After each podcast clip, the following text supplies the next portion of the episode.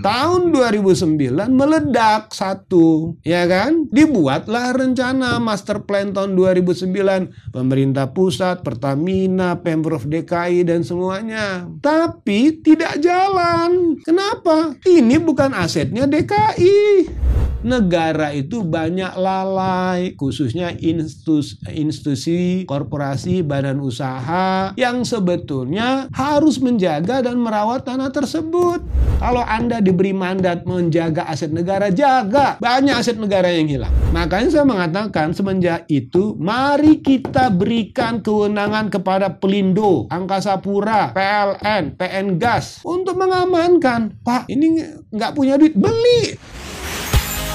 Broadcast. Broadcast. Bernas, luas, dan tuntas.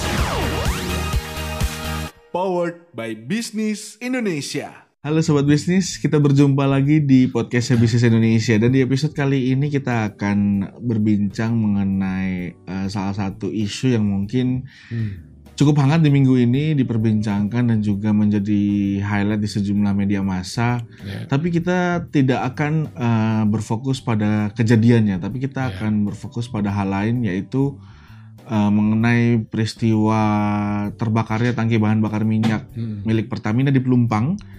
Kita akan membahas dari sisi tata kotanya, seperti yeah. apa sebenarnya uh, regulasi ataupun istilahnya apa ya baiknya ketika hmm. kita bicara soal tangki bahan bakar. Nah, saya tidak sendiri sudah ada Kang Yayat. Ya.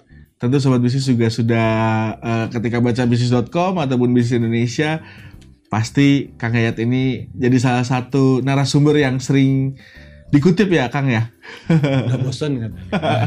Udah sering dikutip. Udah sering dikutip uh, untuk uh, bisnis.com dan juga bisnis Indonesia. Nah, Kang Yayat kalau kita bicara soal uh, tangki bahan bakar minyak terutama yeah. milik Pertamina dan yeah. juga kita bicara uh, eh, TBBM Pelumpang ini bisa dibilang salah satu supply terbesar yeah, untuk yeah. Jawa dan Bali. Yeah. Dengan kejadian kemarin apa uh, yang bisa dibilang yang menjadi pelajaran berharga untuk kita terutama untuk masyarakat dan juga untuk pemerintah Kang? Yang pertama begini semua unit vital strategis punya negara ataupun untuk kepentingan nasional itu harus diprotek dalam konteks unit lingkungannya sama lingkungan sekitarnya. Apalagi pada unit vital yang punya impact besar, punya implikasi potensi kecelakaan misalnya. Contohnya bandara. Kalau di bandara itu ada namanya KKOP, kawasan keselamatan operasional penerbangan. Itu dia dibuat begini zona miring gini. Jadi selama untuk naik take off dan ini pesawat itu zona sekitarnya harus bebas dari bangunan dan permukiman. Itu sudah menjadi ketentuan. Walaupun saya punya tanah di situ, mohon maaf, tidak akan pernah didirikan IMB. Oke. Okay. Dan itu menjadi sebuah persyaratan. Ada gedung tinggi di sini. Eh, jangan dibangun karena membahayakan keselamatan penerbangan itu sangat ketat dan dijalankan sepenuhnya. Nah, kemudian juga sebetulnya untuk alur pelayaran di laut, di pelabuhan, ada zona-zona yang memang tidak boleh ada kegiatan ini, semua sudah diatur. Kemudian juga untuk aktivitas-aktivitas pertahanan misalnya, latihan tempur tentara itu unit-unit misalnya PLTU, PLTG gas, pabrik pupuk, semua yang kira-kira punya potensi ada kecelakaan yang berimpact misalnya pada radiasi itu juga mungkin. Marilah kita belajar dari kasus Bhopal India. Ketika pabriknya meledak ratusan orang mati. Itu tadi kan pabrik yang punya nilai strategis, lingkungannya padat, begitu terjadi itu atau juga dengan Chernobyl Ya. Nah, sekarang menjadi pertanyaannya, bagaimana cara melindunginya? Nah, cara melindunginya kan maka ketentuannya kan dibuat pada zona keselamatan kalau bandara jelas. Tapi kalau misalnya contoh kasus pelumpang, saya ambil contoh ini ya, mohon maaf saya tidak mereknya. Ini tangki, ini tangki. Setiap tangki ini, ya, setiap tangki ini itu kan ada yang besar, ada yang kecil. Iya makin besar volume tangkinya, maka potensi ledakannya akan lebih Akan lebih besar.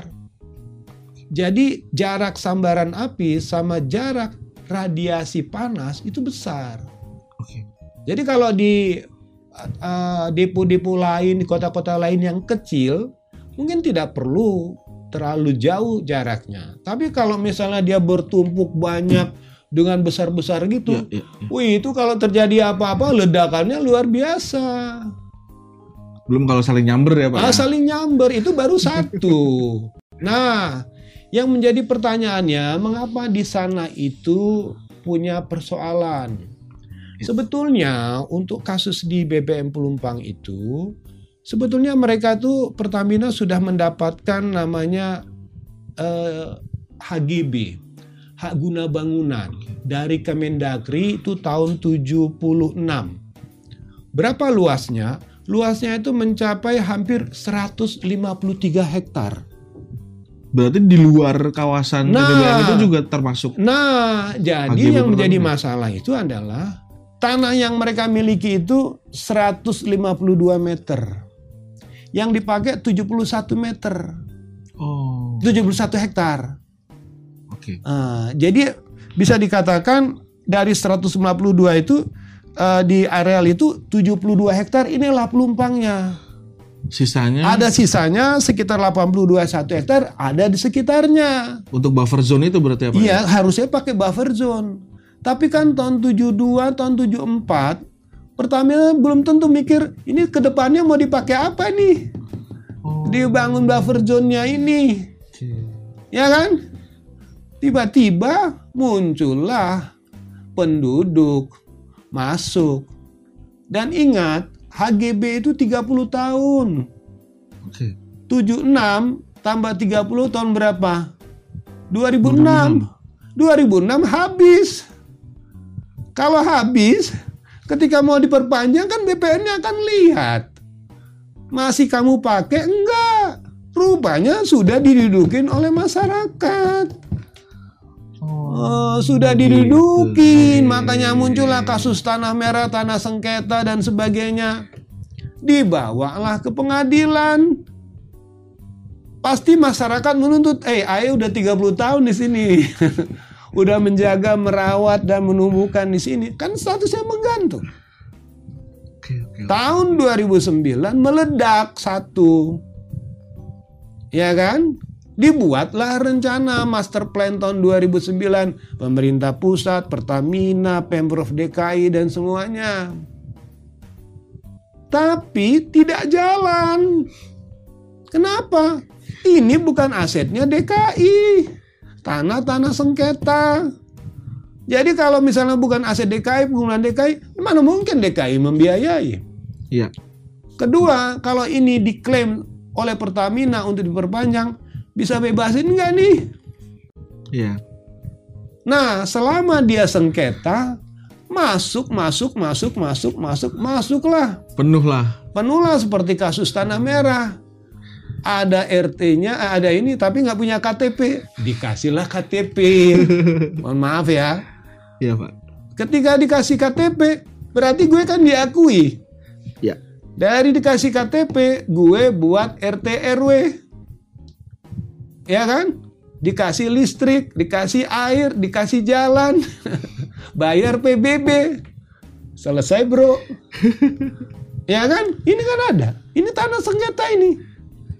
Nah, kemudian muncul kebijakan namanya IMB kawasan. Di mana-mana tidak ada IMB kawasan. Itu diskresi.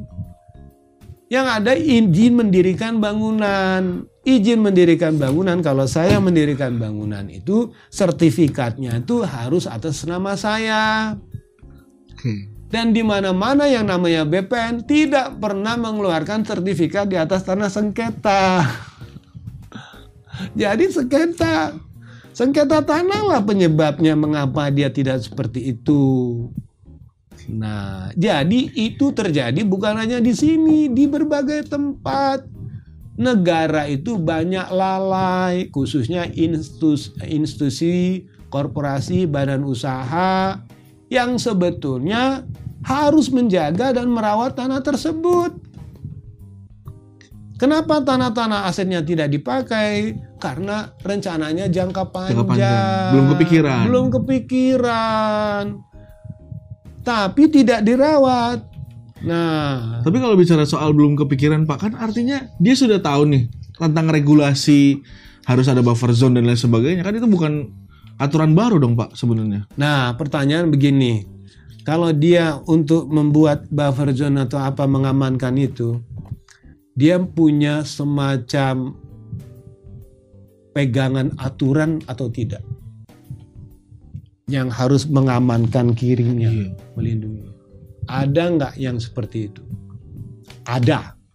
Satu-satunya badan usaha milik negara yang bisa melindungi aset dan menjaga semua itu adalah PT Kereta Api. PT Kereta Api itu dapat Perpres. Perpresnya itu Perpres nomor 83 tahun 2011. Oke. Maka mengapa kereta api itu sekarang itu bagus? Karena dia udah punya udah kewenangan, Iya. kewenangan dari PT Kereta Api itu perencanaan, pembebasan, penertiban, pembangunan, pembiayaan, tata ruangnya, tata guna tanahnya dipegang sama dia dan apa di dalamnya lagi. Semua pemda-pemda di dalam koridor itu harus ikut membantu. Oh. Jadi ketika ada tanah sengketa, Pemda otomatis bisa membantu menyelesaikan. Iya, itu kan saya ikut pernah membantu PT Kereta Api. PT Kereta Api dulu ada bagian aset loh. Dan ngomong sama wali kota di Bogor waktu itu, Pak, ini aset tanah kami ya. Ini batas Oke. punya kami. Oke. Yang di sekarang tanah-tanah kami disewa-sewain sama orang-orang nakal-nakal itu kami sikat. Pemda yang ngaku-ngaku tanahnya kami lawan di pengadilan dan kami menang dan itu dibuktikan. Oke. Dan artinya apa? PT Kereta Api itu berani memagar dari Ya. pasar Minggu sampai Bogor. Iya. Setuju saya, Pak. Hmm. Tapi kenapa BUMN lain nggak bisa melakukan hal yang sama, Pak? Ya tergantung masing-masing BUMN-nya dong. Tergantung pemimpinnya cerdas atau kagak cerdas. Pemimpinnya mau berpikir tentang orientasi keselamatan atau tidak. Kalau hanya mikirin, oh duitnya banyak kita ya, tapi nggak pernah memikirkan bagaimana keamanan itu, itu kata kunci utamanya. Makanya saya mengatakan semenjak itu, mari kita berikan kewenangan kepada Pelindo, Angkasa Pura, PLN, PN Gas untuk mengamankan. Pak, ini nggak punya duit, beli. Beli tanahnya, bebaskan tanahnya. Tapi sebenarnya kalau kewenangan itu kan kalau tadi Bapak bicara KAI, dia punya kewenangan. Apakah BUMN lain kemudian karena tidak punya kewenangan mereka tidak bisa berbuat apa-apa, Pak? Ya tinggal minta dong urgensi orang dulu PT Kereta Api aja amburadul. Iya. Tanah-tanah mereka dipakai, disewa ke mana-mana. Kalau begitu terus ya buruk terus lah. Saya ada pengguna kereta api 30 tahun. Ah. Kenapa tiba-tiba orang mau naik kereta api dan cinta dengan kereta api? Karena berubah. Ya. Karena dia mau menertibkan. Iya. Jadi kalau BUMN hanya badan usaha men- ini banyak uang tapi males ma- males nagih, males nata. Jadi BUMN itu jangan banyak uang, males nata. Nah, Berarti kalau kita bicara soal eh, kewenangan tadi, artinya ketika eh, kemarin ada statement Pak Erick Thohir memindahkan ini ke Pelindo, TBBM Lumbang ke Pelindo, terus Pak Luhut bilang harusnya yang di pinggir yang dipindahkan. pertanyaannya kan gini. Besaran mana investasi memindahkan ini ke Pelindo sama besaran biaya merevitalisasi? Kalau 81 hektar tanah yang memang diklaim sebagai miliknya Pertamina, coba tanya sama yang tinggal di situ, mana sertifikat Anda? Siapa yang mengizinkan Anda? Nah, dicari jalan tengah. Jarak 50 meter, yuk kita buat nih lingkaran air. Ya, aman. Kita bangun revitalisasi, bukan relokasi namanya kalau saya bilang. Oke. Revitalisasi kawasannya. Penduduk-penduduk ini ya dipindahkan ke rumah susun yang bagus, Ya, yang setuju. apik, kasih sekolah, kasih tempat usaha, kasih poliklinik, kasih tempat ini. Jadi satu kawasan lagi Iya. ya Pak ya? Bagus. Siapa yang nggak senang? Tapi sebelum sampai ke sana dicek dulu. Siapa yang ngaku-ngaku punya tanah? Ada sertifikat nggak? Kalau sertifikatnya benar, ganti rugi. Ya. Tapi kalau di situ yang hanya ngontrak-ngontrak, juga harus jelas dong. Jadi tujuannya apa? Dengan revitalisasi ini kita mencari model bagaimana menata di tempat-tempat lain. Bukan sekedar ini. Justru kalau kita biarkan penduduk di situ makin kumuh. Iya. Kalau misalnya nanti penduduk itu bisa dapat dapat tanah di situ di atas lahan sengketa, Monas besok juga didudukin. Kasarnya begitu ya ya? iya dong. Aset negara kok dibiarkan? Maka tanggung jawab semua BUMN, badan usaha negara dan sebagainya. Kalau Anda diberi mandat menjaga aset negara, jaga. Banyak aset negara yang hilang. Mau direlokasi ke mana? Cari di situ. DKI punya aset. DKI itu punya pengalaman bagus dalam menata korban kebakaran. Pasar Gembrong, Iya. ketika kebakar dalam enam bulan bisa dibangunkan. Mereka dipindahkan ke rumah susun. Kampung pulau sering kebanjiran. Ya. dipindahkan ke mana ke rumah susun yang di Sudin Jakarta Timur Jatinegara itu. Dibantu Artinya- oleh. Meskipun Pertamina nggak punya kewenangan, dia bisa eh, meminta bantuan pemprov DKI sendiri ya Pak ya untuk membangun dan ini kan harusnya nanti diberi mandat tugas. Siapa komandannya? Tahun 2009 itu nggak ada komandannya coba nanti komandannya Pak Luhut jadi komandannya. Kita jago kita Asian Games aja bisa cepat. Iya, iya, iya. bangunnya itu nanti dibantu Kementerian PUPR bangun rumah susunnya. Dibantu aset tanahnya oleh Perumnas oleh apa oleh eh, apa Pertamina. Dibantu untuk lingkungannya. Dibantu DKI dibantu. Bagus. Daripada memindahkan ke Pelindo bukan apa-apa pelumpang ini saya bukan mendukung itu lokasinya itu sangat strategis Ya. Betul. dekat dengan jalan tol. Kita ini 20% wilayah pelayanan itu berada di wilayah Jabodetabek yang di mana-mana tuh udah deket jalan tol Jalan semua. tol semua. Iya. Kalau pindah ke Pelindo, mau lewat cut, ndut, ndut, dan macet lagi.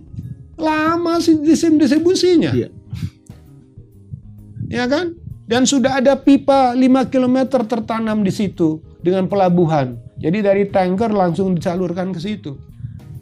Jangan sampai Pertamina kalau pindahkan Pelindo kayak ke SPBU dari nol ya Mas.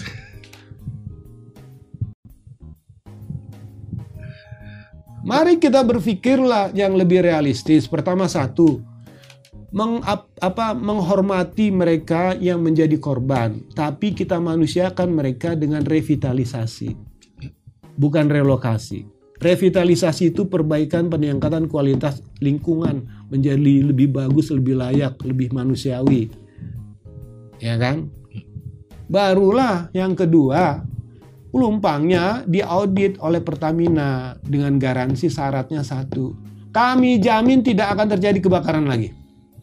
Tangkinya udah lebih 40 tahun, tidak ada yang korosi. Ya. Pipanya tidak ada yang bocor. Prosedurnya tetap aman. Kami jamin auditnya aman. Jadi kita dari dulu kan selama ini nggak pernah berpikir impact lingkungannya. Yang penting berapa Pendapatannya. Ah, kita ini ketika ini ingin menata lingkungan itu seperti punya harapan visi misi tanpa gizi. Biaya. Ketika ingin menata ini kan karena tidak ada yang itu kayak orang Minang nih mohon maaf kalau orang Minang bilang apa tuh? Piti ya? No piti no activity. No piti no motivasi. No piti no prestasi. No piti lama mati. Matilah. Ide nggak jalan rencana nggak jalan apa-apa nggak jalan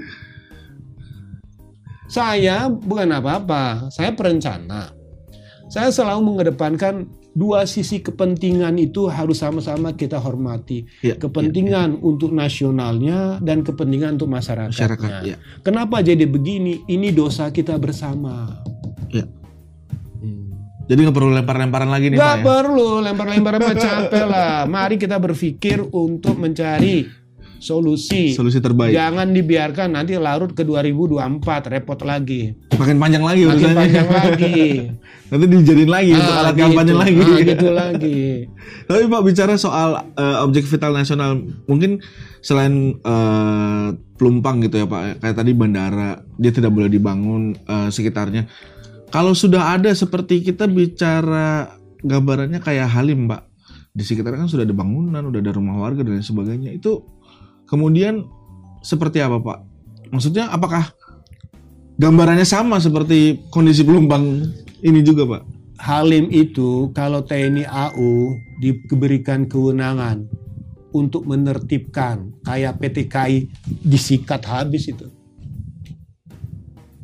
Itu contoh ya kantor-kantor apartemen yang di Cawang itu Iya, iya. yang punya BUMN kena ketinggian bangunan melalui Ya. RT RW RDTR-nya dibatasi Betul. untuk bangunan-bangunan tinggi. Tapi untuk permukiman-permukiman yang ada di sekitarnya, kalau berbicara tentang hak-hak properti ya belilah.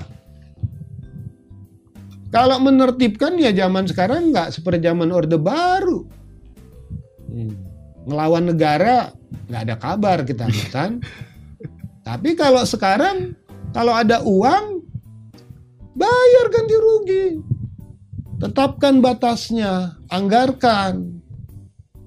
Ya begitulah caranya. Hormati mereka yang tinggal di situ, bayar kompensasinya, posisikan dia lebih baik pindah dari situ demi kepentingan masa depannya dan demi kepentingan yang lebih besar lagi. Heeh. Kalau kita kan berpikirnya kalau udah ada bencana aja, lama-lama yang diwawancara itu bisa TBC, tekanan batin capek deh.